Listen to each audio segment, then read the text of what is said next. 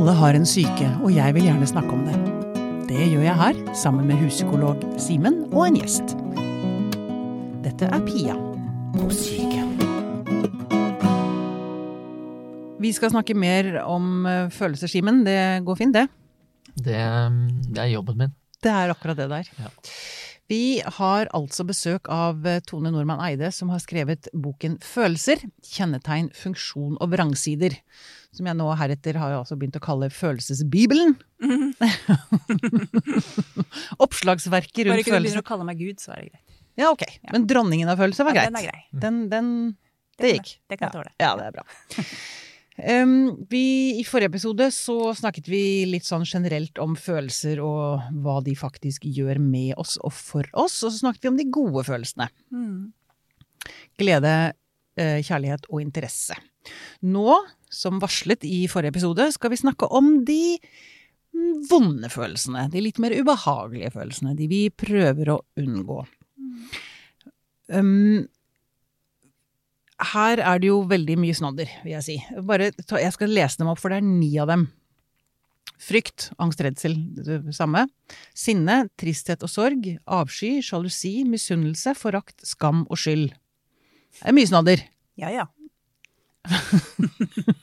Jeg merker at jeg, det, det synker i meg bare ved å si disse ordene, så kjenner jeg åh. ja, ja. Ja. Men eh, er vi uforholdsmessig redde for disse følelsene? Er, er, det, er, vi for redde for dem? Er vel ikke uforholdsmessig, men er vi er det sånn at vi liksom vi prøver å løpe fra disse følelsene mest mulig, og det kan rett og slett få oss opp i trøbbel? Mm.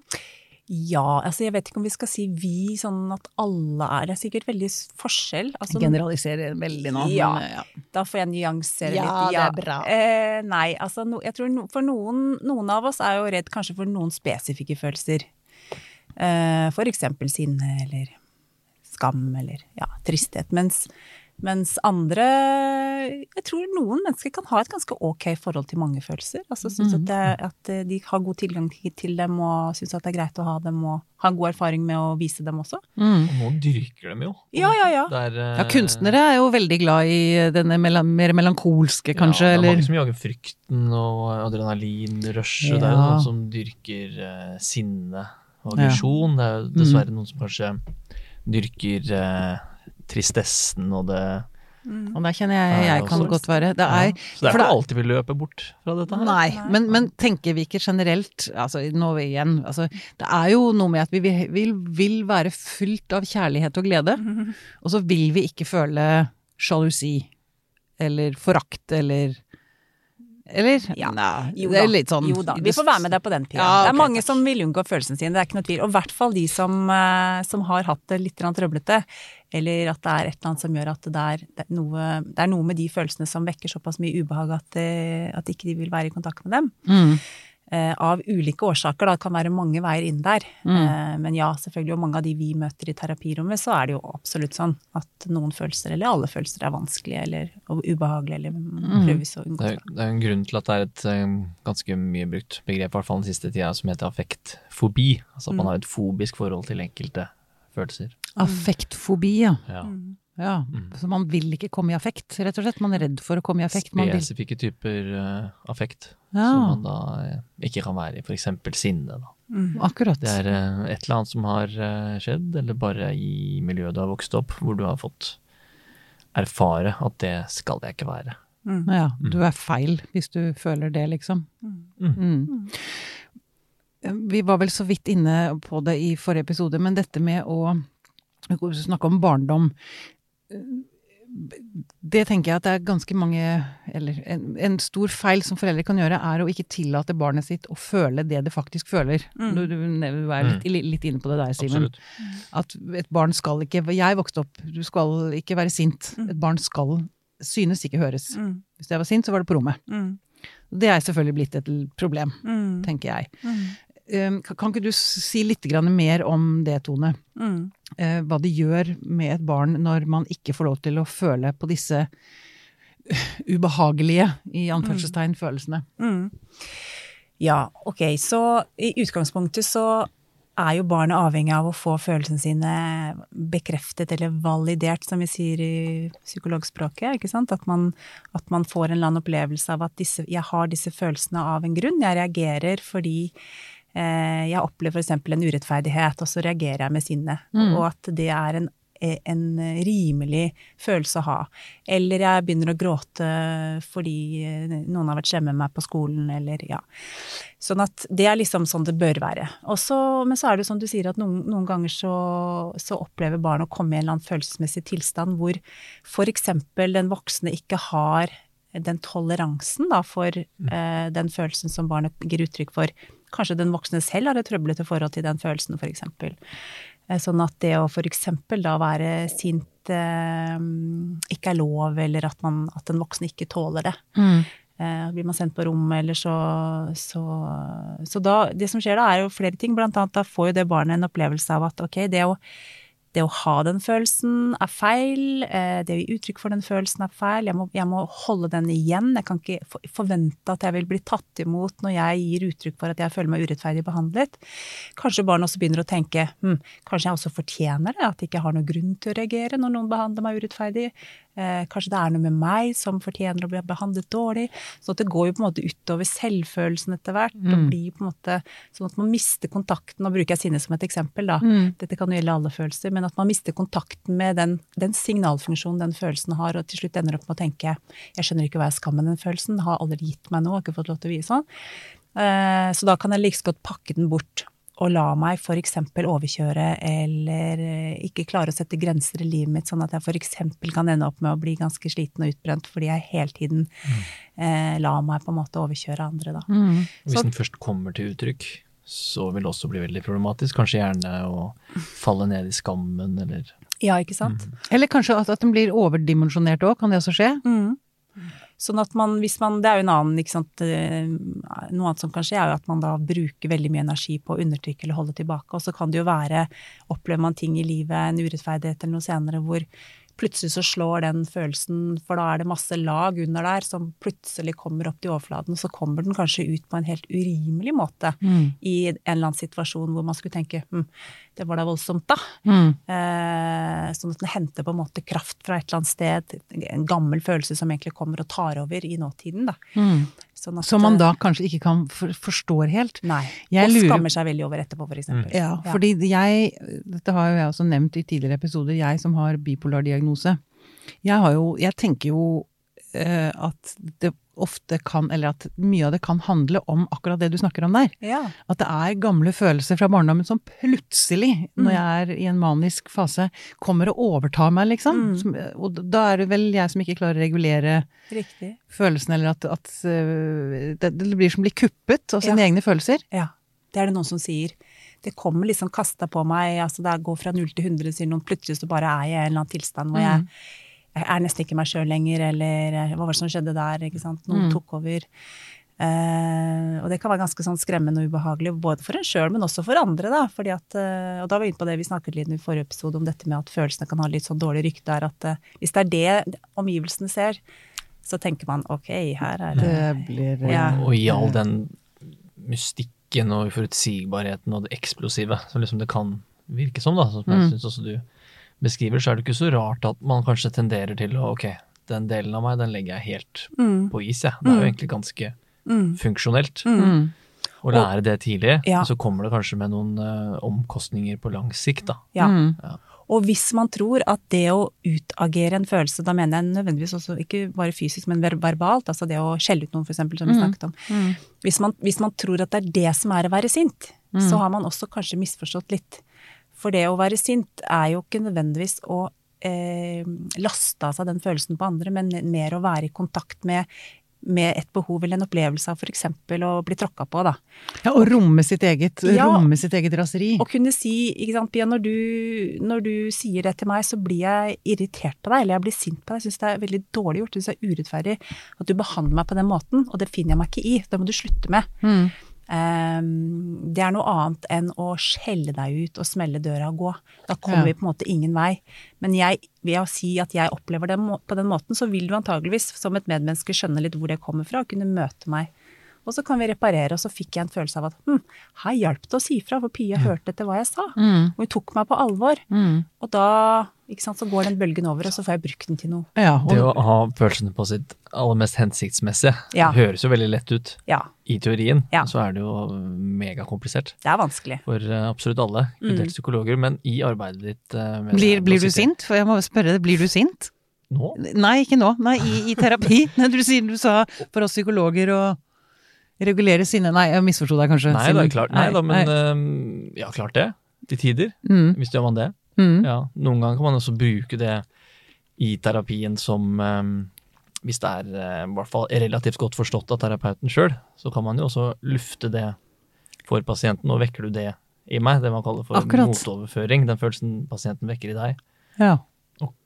I beste fall så kan det være en slags aha-opplevelse for, um, Ja. pasienten, da. Ja. Men det er jo ganske kompliserte saker, så man skal vite litt hva man kjenner på først, kanskje. Men har det slått feil noen ganger, eller? Unnskyld, det, det, bare det Ikke foreløpig, meg. nei. Jeg er ganske, ganske sparsom med det. Det Ja, syns jeg også man skal være. Men det jeg lurte på, var om Tone i det arbeidet, fem år med følelsesfordypning, har nå blitt på en måte den perfekte følelseskvinnen. Kan du nå kjenne etter og legge merke til og uttrykke og bruke dette her som et sånt eh, supervåpen i alle situasjoner nå? Nei, jeg tror, eh, Hvis du spør mannen min, så tror jeg kanskje han vil si nå er ikke helt i mål. Nei. Men eh, nei, jeg er jo et menneske, jeg, og jeg tenker det er vanskelig. Og når, sant, når følelsene blir veldig intense En ting er at jeg kan kjenne det litt. Da er det litt lettere å sant, være i kontakt og sette ord på, og i hvert fall hvis jeg skjønner hvor det kommer fra. Men jeg har jo også min historie med mine følelser som ligger litt, litt Det er noe grums under der, ikke sant? så jeg har ikke alltid helt oversikt jeg heller hvor det kommer fra. Og da kan det jo gjerne pipleter komme ut på måter som man ikke helt ikke nødvendigvis helt skjønner sjøl, eller ikke nødvendigvis er i kontakt med heller. Noen ganger så må jeg få et speil utenfra og si hm, Tone, nå virker du litt irritert. Ja, ja, ok, jeg er kanskje det. Mm. Og så få en slags sånn speiling på det, da. Mm. Eh, men jeg er blitt kanskje godere på å... godere? Ja, Bedre. Ja, det er jeg. Nå ble jeg litt sånn barnlig her. Bedre på å eh, Litt kjappere, kanskje. Til å liksom ta det eller eh, forstå. Jeg har jo granska mye, ikke sant, mitt eget følelsesliv. Det gjør man jo gjerne når man sitter med sånne Når du fordyper deg i teorien, Ja. så ser du litt i praksis. Ja, ja, ja. Ja, og det at jeg har folk rundt meg som selvfølgelig er interessert, og så blir jeg jo litt sånn eh, Kanskje litt våk, eh, mer våken på en eller annen måte, jeg vet ikke. Men eh, Mm. på ingen måte perfekt. Nei. Nei. Det er godt. Perfekte folk jeg må være skikkelig kjedelige. Mm. Så det, men eh, ja. Men bare, jeg var bare så av, vi begynte jo på sinne. Jeg bare tenkte å snakke litt grann om det. Jeg, Ja. jeg har nemlig tenkt å gå gjennom alle. Oi. Ni. Lite grann. Ja, lite grann. Touche. No, noen blir nok mer, mer i dybden enn andre. Men Mm. um, uh, fordi ehm, sinne er, tenker jeg, en Altså, det kan jo være veldig skummelt, men det er jo en veldig, veldig viktig følelse. Veldig. Som jeg tenker har fått altfor dårlig rykte, og har kommet litt i bakevja. Ja. Jeg har, bare, jeg har bare lyst til å slå et slag for sinne. Ja. Jo, som du sier, altså, jeg mener ikke å skjelle ut, for det, jeg har gått i den fella, jeg og som Aha. sikkert mange andre. Men, men og, og, og, fordi det har med grensesetting å gjøre, Riktig. som er så viktig. Mm. Og kanskje spesielt for kvinner. Ja. Så det, det at vi kaller det en sånn selvhevdelsesfølelse Mm. Det er derfor jeg syns det er litt, litt komplisert å plassere det på liksom den der negative Ja, jeg er enig. Jeg er enig. Det var litt for lettvint av meg. Og noen ganger er det jo litt deilig å være sint. Ah, er av og til deilig å kunne si fra og kjenne den der boblende følelsen at du, er sånn, du får litt energi og litt kraft, og du liksom kjenner deg litt sterk. Mm. Jeg mestrer, eller jeg kan få til noe, jeg kan sant, sette meg i respekt. Eh, så mange opplever også faktisk at det som kan være ganske sånn godt. Og når du gjør det på en måte som spesielt når den blir tatt imot, da, Ja. og tålt Ja. av mottaker. Ja. For der oppstår det jo av, og til et problem at mottaker ikke tåler den følelsen. Ja. Eh, men ja, at det at du bruker den følelsen på en måte som gjør at du kan, i hvert fall for de som strever med, som kvinner eller andre som strever med selvrespekten sin, eller strever med å ja, for dette er jo eh, Det tenker jeg på Mummi- Mummitrollene. Hun som var usynlig. mm, Fordi hun som måtte bli sint. Ja. Det var da hun ble synlig. Ja. Hva, hva het hun for noe igjen? Lille My. Lille My! Ja. Ja, akkurat. Og Gro Dale også har en veldig sånn fin bok som heter Snill, om denne lille, snille piken som er så snill, og at hun etter hvert bare forsvinner inn i veggen og blir borte. Ja. Og så får hun med seg noen sånn hav av sånne medstøstre inni den veggen, og så kommer de ut, og så er hun rasende. Eller hun er i hvert fall rasende. Mm. Slår i bordet. Mm. Så får hun lov å være skitten, og så løser det seg på en måte. Ja. Men eh, ja, nei, så det er en eh, ja, veldig, veldig vital følelse. Ja. Eh, Det er en del av det å føle seg levende og, og kraftfull i livet. Mm. Så den må vi ha med oss. Ja. Men, men det er jo noen vrangsider også, da. De der Mm. uttrykkene som kommer kanskje ikke så, så reint ut. Bitterhet, Mm. for eksempel. Er- Blir det riktig å Vil du sortert den innunder Mm. her, eller Ja. vil du liksom på Ja, det er Ja. mange, og sinne har så mange Mm. i- indirekte uttrykk, som jeg kaller det. da, Sånn Mm. implisitte uttrykk som kan blande seg litt med andre følelser også. Mm. Eh, For bitterhet er kanskje en følelse som også kan være knyttet til sant, en opplevd krenkelse eh, som man ikke klarer å gi slipp på. Mm. Eh, og kanskje heller ikke har klart å liksom rydde opp i eller eh, reparert i en relasjon, f.eks., hvis man har blitt krenket. da. Og kanskje kan du ikke reparere den Eller? Kanskje ikke du kan reparere den, eller kanskje du er krenket av noen som ikke er i stand til å, å, å møte deg eller si unnskyld, eller Sånn at det kan liksom Og da Sånn at det er en del sinne i det, men også kanskje noe litt sånn eh, sorg og skade. Det kan være an, mange ting som blander seg inn i det, men at den blir sittende veldig fast og blir Kommer i en form som, som er litt sånn uforsonlig. Mm. Eh, Jeg tenker Sinne kan også være en følelse som inviterer til å reparere. Mens bitterhet er bare Da er det døra låst. Da er det låst. låst. Da er det låst ned. Mm. Og det, noen ganger blir du helt fastløst, og liksom eh, forsoningsforsøkene eksisterer ikke. Nei. Og det Kanskje noen ganger så forsvinner litt de nyansene av dette her, i denne positive måten. Vi har snakka om følelser på de siste årene og i, med emosjonsfokusert terapi og sånn. Kanskje så skal det Fordi det skal brukes til noe, det er konstruktivt, men noen ganger er du bare helt fastlåst. Mm. Mm. Ja. Og noen ganger så får man ikke forsonet seg med den det gjelder, men, men man kan jobbe med det i terapi og, og liksom uh, forsøke å se om man kan komme seg videre og litt uh, ut av det. Mm. Det er ikke noe godt sted å være, tror jeg. Nei. Um, eh, Simen, nå skal du rett og slett få lov til å velge den neste følelsen. Oh boy. Mm. Av, av, de, eh, av de fæle. Eller ikke ferdig. Nå skal Nei, jeg slutte, slutte å si det. De Eh, interessante. Ja, interessante. Skam. Åh, ja, Ja. den er, eh, Mm. Og den er seig. Skam og Og skamløshet. skyld. Og er, skyld, ja. eh, her er vi sølete med en gang. sam- ja, ja. Men jeg har lært, og nå får du dere eventuelt rette på meg, Mm. men at uh, skyld, da har du gjort noe gærent. Skam, da er du gæren. Eller jeg er feil. Hvis Ja. jeg skammer meg, så er- jeg feil. Mm. Hvis jeg har skyld, Mm. føler skyld, så har jeg gjort noe gærent. Mm. Og det er mye lettere å forholde seg til. Skylden er litt sånn på utsiden. Mm. Er, um, Ja. er det Eller kan dere ut, Dere kan ut, få lov til å utfylle dette, eller Tone. Ja. Mm, Ja. Nei, altså Ja, vi sier jo gjerne det litt sånn, litt sånn, over, litt sånn overordnet. At, eh, at eh, skammen er på en måte en følelse som rammer selvfølelsen mye hardere. mm, Eh, Du vurderer deg sjøl på en veldig negativ måte og føler, liksom, går på din egenverdi eh, som menneske, til og med. Eller at du er dum, håpløs, får ikke til. Alle de der negative tingene man kan gå og si til seg sjøl. Det kan gå rent på liksom hele deg, eller på kroppslig, altså utseende eh, Ja, egentlig alt som har med deg som si, menneske å gjøre, da. mm. Det skam er ofte knytta til det å skulle ta plass. At det at jeg er for mye. Det er for mye plass. Jeg er liksom, det er for mye av meg, eller jeg eh, Hvordan ser de andre meg? Det er, Ja. det er en veldig sosial følelse. Veldig. Skylden kan være veldig, veldig privat. Jeg har gjort noe galt som jeg har dårlig samvittighet for, men jeg tenker skammen da Å ja, så skammen det er ikke, Du kan ikke gjemme deg på en eller annen måte, da. Hvis du er, er, mye, fylt av mye skam, så I mitt hode i hvert fall, så er på en måte bensinen på, på skambålet hvordan eh, forestillingen om hva de andre tenker ja, om deg. Akkurat. Ja. Ville du sagt deg enig i det? Ja, ja, ja. ja. De andres Ja. blikk, det å Mm. forestille seg de andres kritiske blikk og nedvurdering av deg. Eh, så den er veldig lammende, ja. Og, og sant, bidrar ofte til at folk trekker seg tilbake. Og, Jeg skulle til å si isolasjon er vel Ja. en lett følge av mye skam. Mm, Man orker ikke å bli sett, rett og slett. riktig. Fordi det, det man er, er så stygt og fælt at ja.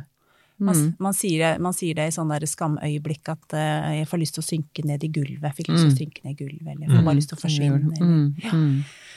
Så, um, så noen lurer liksom på hva i all verden skal vi med en sånn følelse som er bare, bare vond, liksom. Mm. Eh, men da kan man jo snu det litt på hodet og tenke at ok, hvis vi ikke hadde hatt Hvis alle hadde vært helt skamløse, da.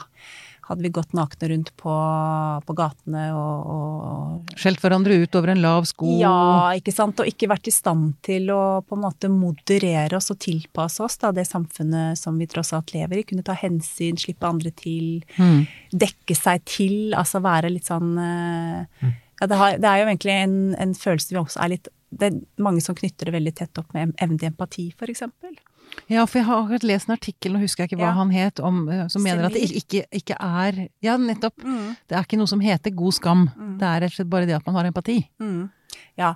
Så det er en diskusjon som er veldig spennende, som, er, som går nå. Jeg er helt enig i det at det, det, den er veldig knyttet til det å empati. Det å klare å se, sånn som Simen nevner, dette med å se seg selv litt utenfra. Mm. Og vurdere hvordan, hvordan fremstår jeg i, i, i flokken min, da. Mm. Og det å på en måte tre utover noen grenser. Du skal på en måte holdt på å si, forholde deg litt til den rollen du har, og, og den posisjonen du har.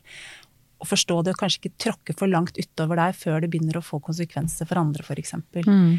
Så det å ta seg til rette, da, på andres bekostning, Mm. som kanskje en sånn, skal vi kalle det en narsissistisk personlighet Ja, for det, det, da er vi over i skamløsheten, for det er vel noe som betegner en psykopat eller en narsissist, at Mm. man ikke har skam. Man Ja. kjenner ikke skam. Eller, eller har jeg også hørt at man har så mye skam at man ikke orker å forholde seg til den. Ja, kanskje, kanskje lite skam, og lite empati. Ja. Så der kommer det også inn. ja. Men, men skamløs atferd kan kanskje også tilsi en person som kjenner på veldig mye skam. Mm.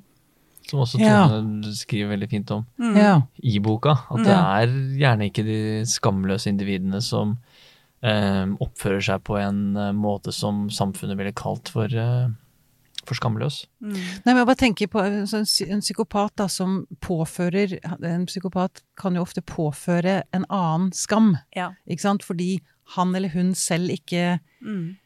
har de grensene, men så det er den andre, det er mottakeren som må bære skammen. Mm. Det er en måte å være skamløs på. At, Ikke man, at man ikke er i kontakt med sin egen skam, sånn at man bare man, man får andre til å skamme seg på en eller annen måte. Ja, for det er den skamløse som vil kaste klærne på gata, liksom. Mm. Som Ja. i beste fall Alt kan være litt gøy. kan, eh, ja, sånn. ja. Ja. Men for eksempel eh, utagerende mm, seksuell eh, atferd og rus Mm. og hardfesting og kanskje i en tidlig alder som skiller seg veldig ut. Mm. Det er jo gjerne mennesker som egentlig ikke er så, så skamløse, men som egentlig skammer seg, men som forsvarer seg for den skammen ved å på en måte eie det. Mm. Ja, de møter det. sin egen skam, liksom. Ja. Med å overdrive det, Eh, ja. Med å overdrive det, ja. Ja, men gå liksom all in, jeg skal vise dem. Sånn som du bruker det sitatet fra Kinder Whore ja. av Maria Kjos Font Ja. Mm. i boka. Hun Mm. beskriver jo det. På en veldig god måte, ja. Mm. Ja. Mm. Jeg skal vise dem. Ja. Også, men i det, så, i det skamløse så kan ikke sant, jeg vet ikke, jeg er i hvert fall sånn at jeg kan oppleve nesten at jeg opplever skam på andres vegne. Jeg synes det, det er jo ubehagelig at andre er skamløse. Eh, så det er også en måte å liksom laste seg av litt skammen sin på andre på, at man ikke Eier den, man har, Eier den tar ikke ikke ansvar for den selv. Mm. Mm. Det er andre som skal lage problem for andre, ja. Mm. Ok, i, ja, i, Ja. De, i denne Eller var det noe mer du Neida, ville til? Nei, jeg bare lurte på skyld oppi dette, bare for å konkludere i denne Ja. søte lille gruppa. Ja. Skam, skyld, Så, skamløshet. så dette var liksom på en måte et eksempel på noe som kan være Det er mye å si om skam, men vi rekker jo ikke alt. Eh, så skylden er jo en følelse som eh, i større grad, som du var inne på, Pia, handler om dette med å gjøre noe galt. Mm. Eh, si og gjøre noe galt. Eh, ofte knyttet opp til eh, moral. Eh, samfunnets normer og regler. Mm. Eh, og det kan også være familiære normer og regler, hva som er lov og ikke, rett og galt. Eh, at man får en eller annen forståelse av at Og også at jeg ikke rekker opp til noen standarder, kan også gi mye skyld. At det er veldig høye krav, f.eks. Ah. Mennesker som opplever at det er veldig mye, eller mye høye krav, vil også kunne oppleve mye skyld. Jeg strekker ikke til. Mm. Eh, sånn at det kan både være at man gjør, gjør noe galt, altså at jeg sårer deg f.eks., vil jo være en veldig sånn eh, naturlig sted å Hvis jeg skjønner at oi, nå har jeg sagt noe som sårer deg, at jeg da kjenner skyld, og at den følelsen motiverer meg til å ønske å reparere i relasjonen. Så det er den følelsens motivasjon. Mm. Beklager, Pia, var ikke meningen å såre deg. Jeg er veldig lei meg for det.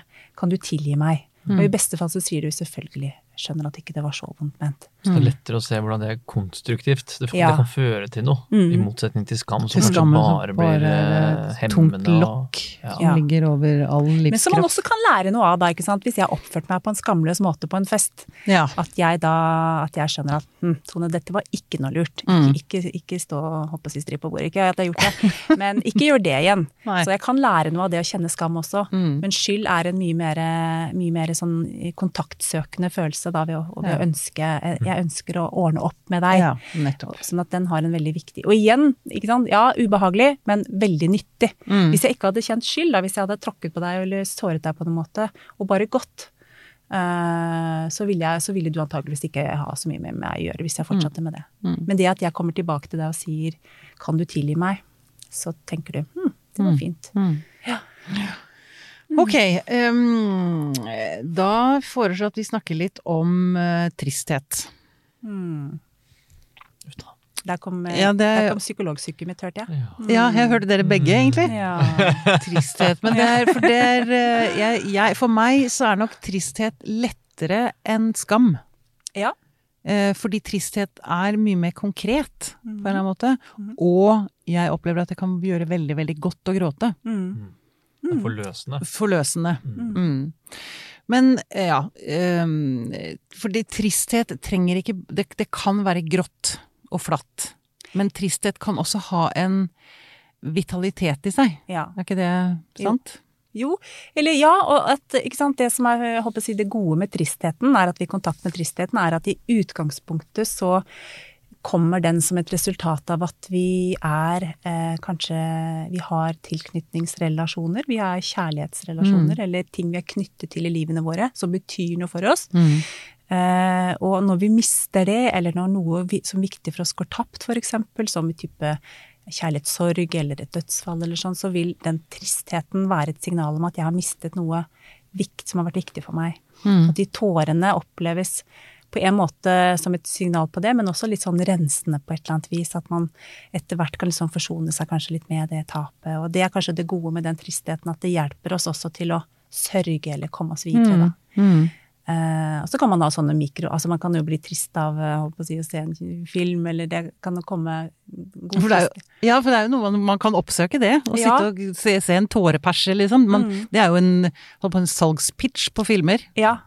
Men hvorfor vil vi oppsøke det, som vi Mm. egentlig tenker på som noe fælt? Ja, det, det Noe trist det er jo selve adjektivet på det som er negativt, liksom. Ja, jo, jeg er enig i det. Men det ja, nei, nei, jeg er ikke enig i det. Jeg, nei, men jeg tenker at igjen, da, tristhet er også en følelse som inviterer. Fordi når jeg, hvis dere er empatisk innstilt, og jeg har opplevd noe trist i mitt liv, og jeg gråter og er lei meg, Mm. hva er det det vekker dere da?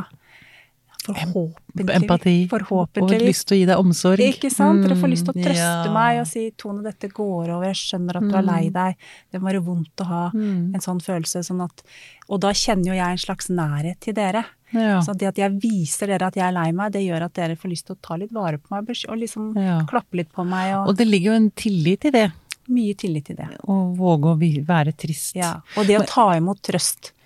Eh, og det å ta imot og kjenne at det er lindrende, da. Ja. Så det er veldig godt hvis man, uh, hvis man evner det, da, å ta kontakt. ja. Problemet for mange er at de, de sørger i enerom. Altså de, de lukker seg til og trekker Mm. seg tilbake. Mm. Og da er det ikke alltid tristheten er så god, for da kobles den opp til ensomhet. Når jeg blir trist, så er jeg bare dønn aleine. Mm. Kanskje fordi jeg har ikke noen erfaring med at folk, noen stiller opp, eller jeg er ikke vant til at noen trøster meg når jeg er lei meg, f.eks. Mm. Og dermed så blir tristheten kobla opp til noe dårlig som handler om ensomhet. Men Det er ikke så bra. Det er ikke så bra. Nei. Men være skambelagt, noe som skal være skjult. ikke sant? riktig. Ja. Da- Ja, kanskje ikke ikke det var lov å gråte da, eller var ingen Ja. der som tok imot deg når du Mm. trengte den trøsten. Så det Mm. som kan være hensiktsmessig og Mm. funksjonelt, blir bare noe, noe fastlåst. Riktig. Mm. Ja.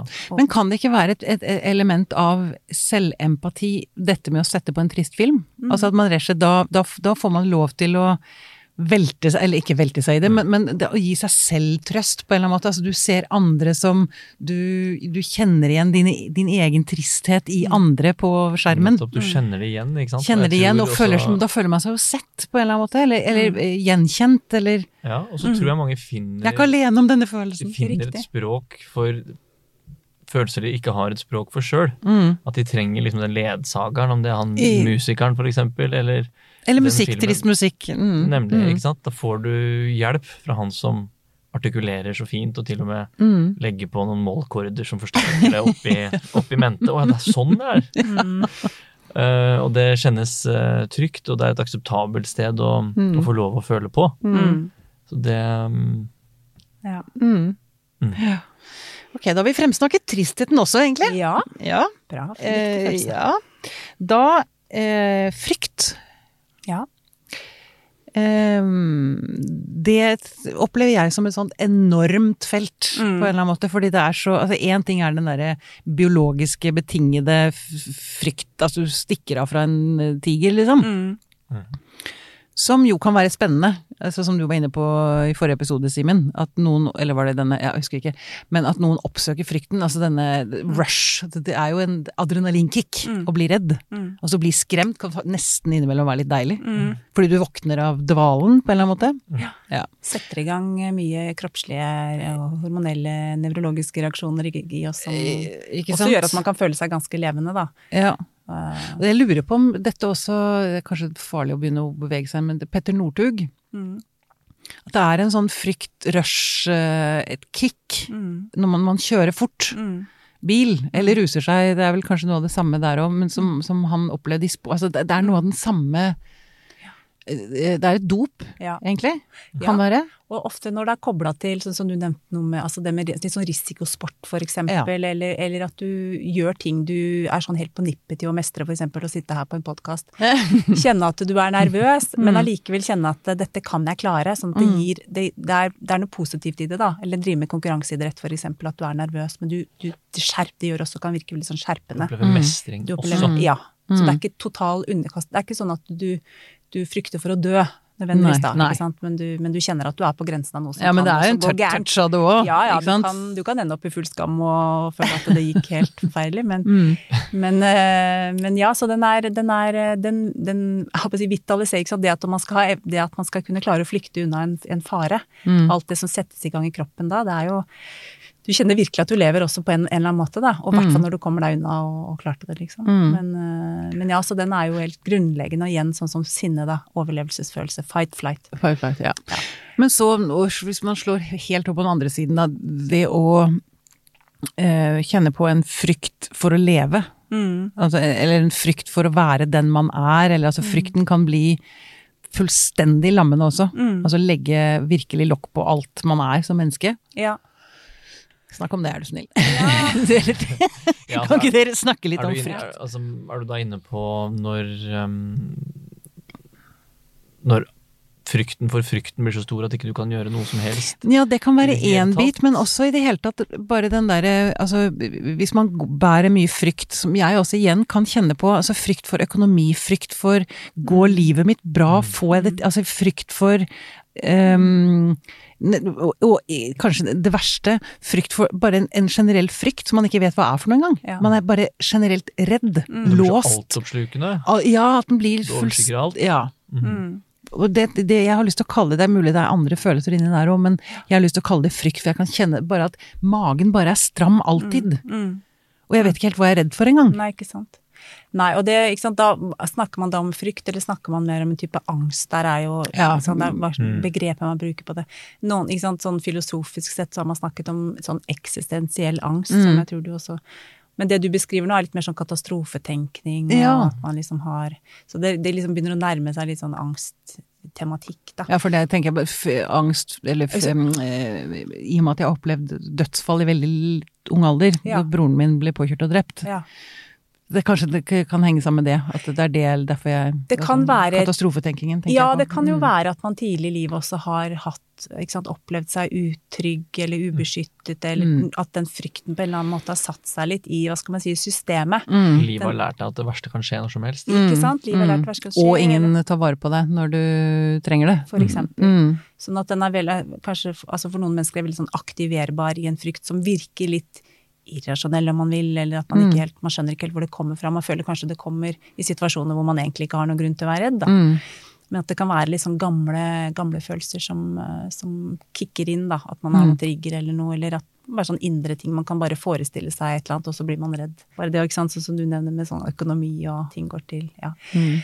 Um, ja. Ja, ø, også åpen frykt generelt, eller hva, hva mer har dere lyst til å si om frykt som ø, Ja, altså, Følelse. Ja, så igjen dette med at det er en, eh, en veldig sånn primitiv, primær følelse som også har sin veldig signalfunksjon, ikke sant. At små barn som er eh, veldig redde, de skal jo signalisere at de skal bli tatt vare på. mm. Eh, Så sånn sett så er det en også viktig sånn interpersonlig følelse av at når jeg er redd, så skal noen komme meg til unnsetning, eller at jeg skal eh, bli beskyttet, da. Men man kan jo, altså frykten kan jo henge seg på nesten hva som helst. Altså man Ja. har jo fobier for det meste. Ja. Sånn at eh, Så den er veldig mm, Det å føle seg truet på, på liv og død er jo mer sånn eh, rent sånn fysiologisk, men man kan også føle at selvet er truet, eller at jeg som menneske er Det kobler opp til litt mer sånn skam. At uh, jeg er redd for å bli avslørt, eller jeg er redd for at uh, ingen vil være der for meg hvis jeg trenger det. At den type frykt, da, som er mer sånn mellommenneskelig terapimat. Ja. Mm. Som, Jeg kommer til å gå i oppløsning, nesten. ja, Hvis uh, ja. visse ting skjer. Sånn helt altomfattende og udefinerbar Ja. Angst. Det er kanskje litt sånn Ja. det du beskriver. Ja. Men det blir veldig Det er komplisert Det er komplisert, å, komme, å komme inn og finne ut hva det dreier seg om. Mm. Ja, for jeg tenker i terapirommet så er altså Jeg regner med at en som kommer inn i terapirommet ditt første gang, Simen, men det er mye frykt. Altså, man, det er jo veldig mye å frykte egentlig når man går i terapi, fordi man skal møte seg selv. Det er jo Mm. ingenting som er så skummelt som en selv, egentlig. Nei, ikke for meg. Nei. Er du ikke Jo, jeg er helt enig i det. og Det er um, så godt som alltid det første temaet i Er det det, ja? terapirommet. Hvordan er uh, dette for deg? Mm. Og de fleste syns jo det er uh, ganske skummelt. Ja, og ja, jeg vil si de fleste syns det. De kan umiddelbart fortelle litt om hvilke assosiasjoner det vekker, eller um, hvordan har de hvordan kommer det til uttrykk? Har du vært våken i hele natt, f.eks.? for Mm. eksempel, eller er du bare Mm. litt nervøs? Mm. Eller, det, det sier veldig mye om den, den personens forhold til frykt, da. Mm. Hvilken rolle har uh, angsten i deres liv, og hvordan kommer det til, til uttrykk? Mm. Men uh, klart det er skummelt, og det er nok en del av enhver terapi. Ja. Mm. Det Før i tida så mm, Ikke alle som er før i tida heller. En psykoanalytisk tenkning vil jo Da er du ganske stille og tilbakelent. ikke sant? Den klisjeen om at psykologen bare sitter der og ikke sier noen ting. Mm. Det er vel da en tanke Vippe med pennen, liksom. Mm. Ja. Mm. Da er det vel en tanke om at det skal Det vekker jo en angst. Mm. Og da vil du um, vekke noe i den personen. Om den rekvirerer til et eller annet som gjør at det kommer uh, noe til uttrykk. da. Hvordan reagerer denne personen på det ubehaget du er når du blir helt stille? Ja, akkurat. Du, det- du tenker at du bruker det som en slags virkemiddel, eller en eh, Eller altså du, Eller, ja. Mm. Ja, rett og slett. Ja. Jeg sier ikke at jeg gjør det, men det, Nei, er, et, men det er en- um, det er et verktøy som, eh, som sier jo litt om hvor på en måte opplysende da, det kan være å få um, en forståelse av hvordan den personens forhold til angst er. Hva er det det vekker? ja. Blir du en som blir, blir irritert, eller Mm. blir du uh, underkastende, eller begynner du bare å plapre i vei? Eller? Mm. Det kan Mm. være fint å få på papiret, det. Ja, for jeg tenker at det må være ganske viktig å begynne med frykten. For altså, hvis frykten står i veien, så kommer man vel ingen vei. Med noen andre følelser, egentlig. Mm. Og bare det å, å snakke om det, si en liten Mm. setning om det, jo, jeg er ganske nervøs, jeg ja, høye skuldre, he-he, Mm. så lander man ganske fort, da. Mm. Mm. Det er jo um, det er et funksjonelt uttrykk for det. Ja. Og uh, det regulerer bare det å si det. Mm. Kanskje ikke bare det å si det, men det at noen hører det. Mm. Ja. Um, jeg har frykt andre gode ting, annet enn at det redder livet vårt når vi trenger det, liksom.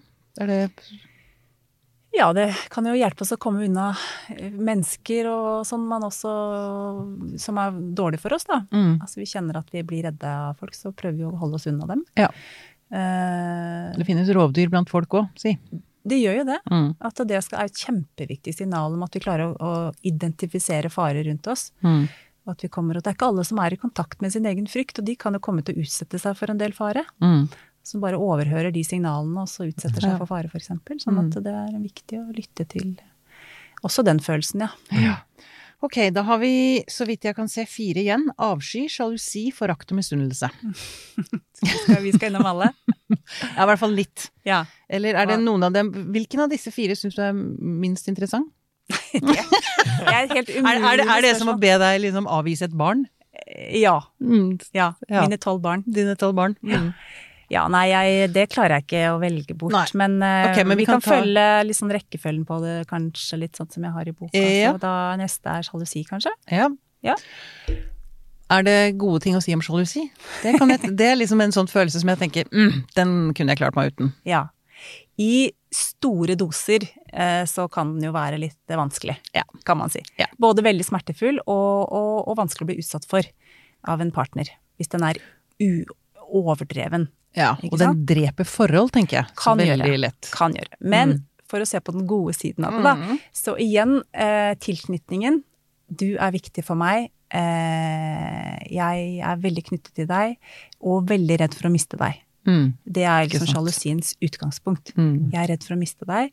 Ehm, og det, hvis man klarer å gi uttrykk for det, at jeg føler meg utrygg når du sitter her og flørter med, med Simen, Pia. Mm. Fordi da blir jeg utrygg, og jeg blir redd for at du syns han er mer interessant enn meg. Mm. Da blir jeg både litt utrygg, kanskje til og med litt irritert.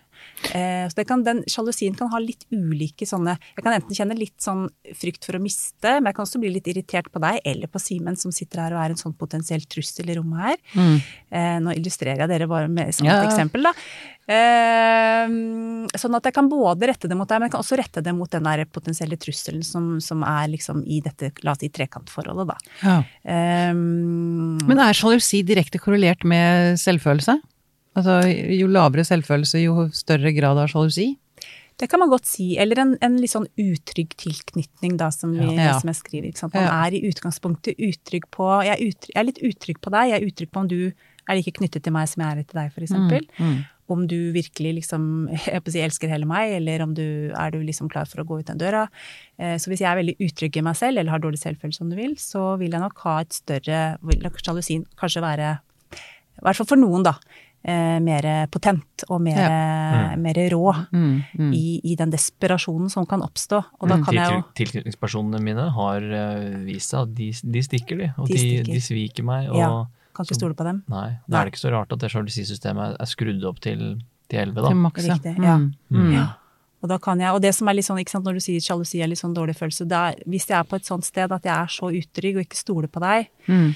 ikke nødvendigvis fordi du har gjort noe galt, det er det jo enda verre selvfølgelig hvis du faktisk har gjort noe galt, men hvis du ikke har gjort det, men jeg er bare utrygg, så kan jeg jo komme til å begynne å kontrollere deg, Mm. eller skjelle deg ut, eller nekte deg ting. Mm. Eh, Så det kan bli, ja, det kan bli ganske ødeleggende i et forhold. Mm. Selvoppfyllende, til og med. Ja, litt selvoppfyllende. Så hvis jeg da eh, stadig vekk gir uttrykk for en ganske sånn sterk sjalusi, så vil jo du til slutt tenke dette orker jeg ikke mer. Mm. Og så vil du faktisk forlate meg, og så får jeg nettopp bekreftet at eh, ok, så du, du var ikke glad i meg i utgangspunktet, nei. Mm. Så den, sånn sett så kan den være litt skummel. Hvis den ikke er eh, håndtert og forstått, og, og hvis jeg skjønner hvor den kommer fra, så vil jeg kanskje klare å kommunisere det på en annen måte, da. Mm. Så jeg trenger at du bare trygger meg, at du vil bli hos meg, og så skal jeg la deg få lov. Mm. Liksom. Så kan du kanskje lære noe om, om deg sjøl òg, da. Jeg tenker i tilknytning og mm, raskt å bli forelska og skulle se på seg eh, på sikt forlovelse og bo sammen og ekteskap og alt dette her. Det er ikke nødvendigvis noe som eh, unge folk i dag tar lett på. Mm. Så plutselig kan man eh, kjenne litt på den sjalusien, da. Mm. Jøss, var det så viktig for meg, Mm. dette her. Mm. Mm. Det kan være en litt sånn um, Mm. fin ting å legge merke til òg. Mm. Mm. Absolutt. Og beslektet med sjalusien er misunnelsen. Ja. Noen øh, Nå har jo jeg jobbet litt med selvfølelse, for meg er det sånn åpenbart at det er stor forskjell mellom dem, men jeg skjønner at det er, altså, man kan fort mikse det også. Eh, Så da liksom Den enkle måten å si det på er at sjalusi er det nettopp den der frykten for å miste noe jeg har. Noe Mm. som, som allerede er, eh, har en relasjon til. Mens misunnelsen er mer mitt begjær og mitt lengsel og mitt ønske om å ha noe du har. Ja, Så det er noe jeg fortsatt ikke besitter, men jeg Mm. vil gjerne ha det. Mm. Eh, og det kan også rette seg mot alt mulig rart ting som jeg gjerne skulle ønske at jeg hadde. Eh, hva jeg være seg eh, penger, makt, status, utseende Mm. Kan du, kan du ikke Du har et så godt eksempel i, i boka di om hvordan det kan komme ut i litt sånn mystiske uttrykk, nesten. Ja. Eller for eksempel det å ta en ledende posisjon i en um, i en organisasjon for Mm. vanskeligstilte, eksempel. Kan du Ja. ikke forklare det? Hvis det var et veldig Å spennende gud, hvordan var det, hvordan var det, hvordan var det det resonnementet var da? Eh, ja, hvis jeg eksempel går og kjenner mye på misunnelse i mitt liv, eh, men ikke helt vil vedstå meg den følelsen, så kan jeg begynne å overkompensere, for jeg skal bevise for alle at jeg i hvert fall ikke er misunnelig, eller har litt sånn dårlig forakt eller andre negative følelser, sånn at jeg skal fremstå som et veldig, veldig godt overbærende menneske, og, og bare vise min godhet og styrke. Mm. Sånn at jeg Eller kompenserer, eller jeg Ja. Eh, For å vise at jeg eh, Mm. Jeg har ikke lyst på det privilegiet som, som dere har. Nei, ikke riktig. Jeg er nesten stolt av å ikke ha det. Er nesten stolt av å Det ha blir det identiteten min. Ja. Stolt av å ha det litt sånn smålig og dårlig. Mm. Ja. Stolt av å ha det kummerlig. Ja. Da- ja. Ja. Ja. Omvendt. Mm. Ja. Mm. Ok, eh, da eh, avsky. Avsky, ja. Det er jo en følelse som er veldig sånn basal kroppslig følelse. Eh, Ja, for den er ikke så, hva heter det, intermellommenneskelig, liksom. Det er mer, dette er mer sånn avsky, tenker jeg, når man lukter på noe råttent. mm, Mm. Så det er en sånn kroppslig Riktig. Og det er også noe barn kan ha fra veldig veldig tidlig av, når du ser det grimasen når barn får i seg noe de ikke liker, f.eks. Ja. Så avsky er gjerne knyttet til ting vi ikke skal få, få i oss. Ja. Ting som er ekkelt og lukter vondt og smaker vondt og sånn. Eh, men vi kan også kjenne avsky for mennesker. Ja. Ja. At noen, sant, det, noen av oss er jo veldig sånn sens... Apropos du nevnte det med hypersensitivitet. Altså noen er veldig sensitive for sanseinntrykk. ja. Smak, lukt, og syns at folk kan f.eks. lukte vondt. Mm. Eller eh, at man, at man også opplever at noen type mennesker Altså det kan være at det Er skitt Jo, men det, da går det på kroppslige ting. Altså at et menneske altså man, eh, det For det er forskjell på avsky og hat. mm, Ikke sant? Å hate noen. Mm. Det, det er ikke en Man, man avskyr ikke en, et menneskes personlighet, egentlig. Det er, det, går, det er ikke det det går på. Altså, der er det hvis Vi, skal, vi kan trekke inn forakt om det samme, for det er Mm. mange som syns at det også De kan blande seg litt sammen fordi jeg kan ikke sant? Hvis, hvis avsky er at en måte å Det er noe jeg vil støte vekk, da. Det er Mm. noe jeg vil ta avstand fra. Mm. Om det er eh, mennesker eller mat eller eh, avfallsprodukter i en eller annen form. Mm. Ehm, forakt er jo en følelse som er mer knyttet til at uh, litt sånn at jeg hever meg over og ser ned på. Sånn at jeg liksom Ja, ikke sant, det er nedlatende eller Nedlatenheten mm, mm. skyver ansiktet. Arroganse, ikke sant. At jeg mm. kan oppleve at jeg er litt bedre enn deg, så jeg ser Mm. litt ned på deg. Og får deg litt å kjenne på det, da. Mm. Eh, men de to følelsene kan godt eh, koble seg litt sammen, så man kan godt kjenne både litt avsjå og forakt for enkeltmennesker også. Jeg pleier å trekke fram et eksempel av f.eks. Eh, mennesker som begår grove seksuelle overgrep, f.eks. Vil for mange vekke den type negative følelser. Mm. Man virkelig ønsker å ta avstand og markere liksom at dette er forkastelige handlinger, da. Mm. Sånn at Ja. Mm. Så man kan, men det er også noe som veldig få vil vedstå seg, at jeg faktisk kan kjenne avskjellig Avsky, forakt for ja. Men, eh, men det gjør vi nok mange av oss, om vi vil innrømme det eller ei. Eller ei. Ja. Så dette er kanskje den følelsen vi er, vi er minst uh, tolerante overfor, da. Ja, noen igjen, altså noen type personlighetstyper vil nok ikke ha så problem med å vise sin forakt eh, for Nei. andre. Men de fleste av oss syns jo det er litt sånn Ja, vi prøver å holde det litt privat. Ja. Og så snakker vi om det på kammerset isteden. Ja, Ja. ikke sant? Så det er også en, eh, et godt eksempel på hvordan, eh, hvordan samfunnet og kulturen legger ganske sånn klare styringer på hva det er ok å føle seg. Mm. Eh, Hva kan jeg identifisere meg med Ja. følelsesmessig? For man vil ikke være et foraktfullt menneske. Da er man Nei. ganske nedrig, altså. Ja, kanskje i noen subkulturer så er det kanskje ok, Ja. kanskje. Eh, Men eh, for folk flest så nei. Nei. Nei. Det kan jo være en, en, en måte å, litt sånn i maktposisjoner, ikke sant, at man viser hvem som er sjefen og hvem som er den overordnede. Mm. Og hvem som på en måte fortjener å holde seg litt på bakkeplan, da. Mm. Så noen bruker det nok litt implisitt også, uten å direkte gi uttrykk for det. Så viser man at eh, det er jeg som er best her. Ja. Så eh, ja. Og det, kan, og det kan kanskje vekkes i folk. Det kan også, jo òg. Ja. Gjennom, uh, gjennom politikk, eksempel. Mm. ja. Jeg vil tro at det var, eh, Politikerforakt er noe som heter. Politikerforakt, ja. Ja, vi kan, vi kan forakte selve politikerne, men jeg tror også politikerne kan uh, i verste fall også be, vekke forakt i, blant borgerne. Da. Jeg tror Ja. det var mange som lærte seg hva man skal forakte i løpet av eh, 30-tallet i Tyskland, på en måte. Ja. Vi er ganske Ja, sånn sånn formbare, og hva, hva vi vil innfinne oss med følelsesmessig. Mm. Ja. Mm. da Nå har vi toucha innpå alle tolv følelsene. Mm. Um, da har jeg bare lyst sånn, Når det drar seg mot slutten, um, er det um, noen av disse følelsene som er mer Altså i, i terapirommet, hva, hvilke følelser møter dere oftest? Bare for å liksom få litt sånn Er, er det no, alle sammen? Ja, altså nei, det vil jo være noen som er mer sentrale enn andre. Det kommer litt an på hvordan man jobber, men det er jo altså, Jeg tenker noen av de følelsene som kanskje går igjen, er jo, ja, som du har vært inne på, frykt, men, men skam er en veldig van, mm. Skyld, Mm. sinne, Mm. eh, tristhet. Ja. Eh, helt enig. vil jeg tenke. Mm. Ja. Og, men størst av alt er kjærligheten. Åh, ja. Det må vi ha med oss. Mm. Vi avslutter på en kjærlighetsfull tone. Nei da. Ja. ja. Ja. På en, kjær, ja, en kjærlighetsfull tone, ja. Det var ja. Kan, kan jeg stille et spørsmål før vi avslutter? Ja. I de fem åra her, Tone, har du Mm. fått en følelse av at det blir Det var ikke meninga å lage ordspill ut av det. At det blir for mye følelser, liksom. Altså, går det inflasjon i ordbruken og sånt i dagens eh, kultur? Blir vi, holder vi på å bli for følsomme? Du vet hva, det er jeg helt sikker på kommer til å komme nå.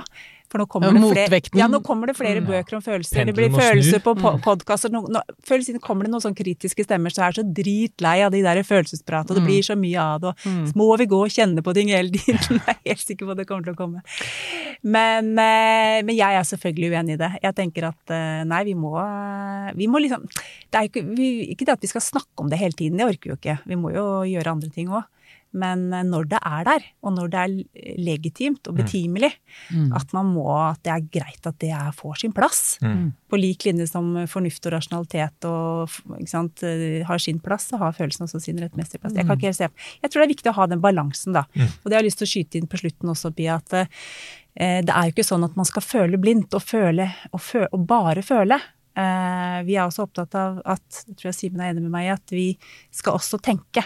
Mm. Vi skal føle og tenke samtidig. Mm. Sånn at uh, følelser uten tanker blir jo gjerne blinde. Mm. Sånn at man må ha med seg det å, å koble på tenkeevnen når vi føler. Det er da vi blir, de, er da vi blir gode på relasjoner også. Mm. Når vi klarer det. Ja. Så, så føl, ikke sånn følelser til enhver pris og i alle settinger, men med måte og med, med tenkning. Men for én ting er å føle ting, en Mm. annen ting er å uttrykke følelsene. Det er også en forskjell. Ja. For jeg, jeg bare husker, kom på noe, et klokt vesen jeg kjente for noen år siden, sa noe sånt som at eh, altså følelsen er jo så rask, så Mm. den flyr jo frem og tilbake til månen, mens tanken fortsatt leter etter tøflene sine. ja, men det er noe med at følelsen er så direkte, liksom. Ja, ja, ja, ja. Ja. Eh, Så den trenger på en måte den derre litt sånn styringa. Ankeret eller Ja. eh, ja. Det er ålreit at man har en sånn instans på innsida som vi kan kalle selv, eller Mm. ikke sant, rasjonalitet, eller hva du vil. Et eller annet som kan bistå lite grann, da. Mm. Hvis det blir litt, litt mye og litt, litt ikke sant, all over the place. At Ja. det er noe, en instans her som kan liksom hm, hva er det som skjer nå? Mm. Kanskje du skal kjenne litt etter nå. Hva var det som, hva var det som skjedde her?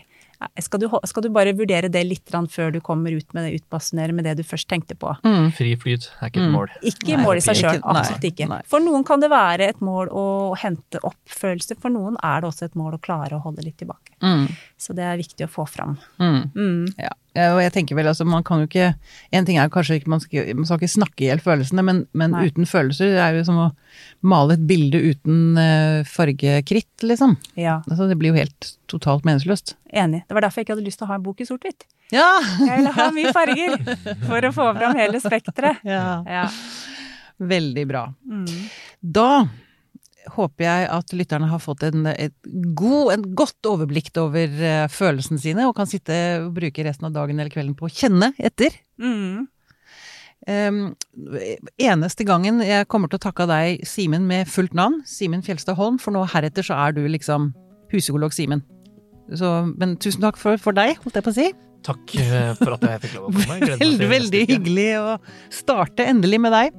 Og tusen takk til gjesten vår, Tone Nordmann Eide, som har kommet og delt av sin klokskap og kunnskap om følelsene.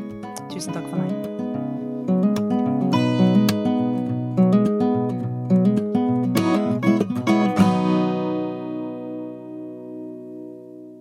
Denne Podkasten er produsert av Tid og Lyst. Med støtte fra stiftelsen Kåre Berg.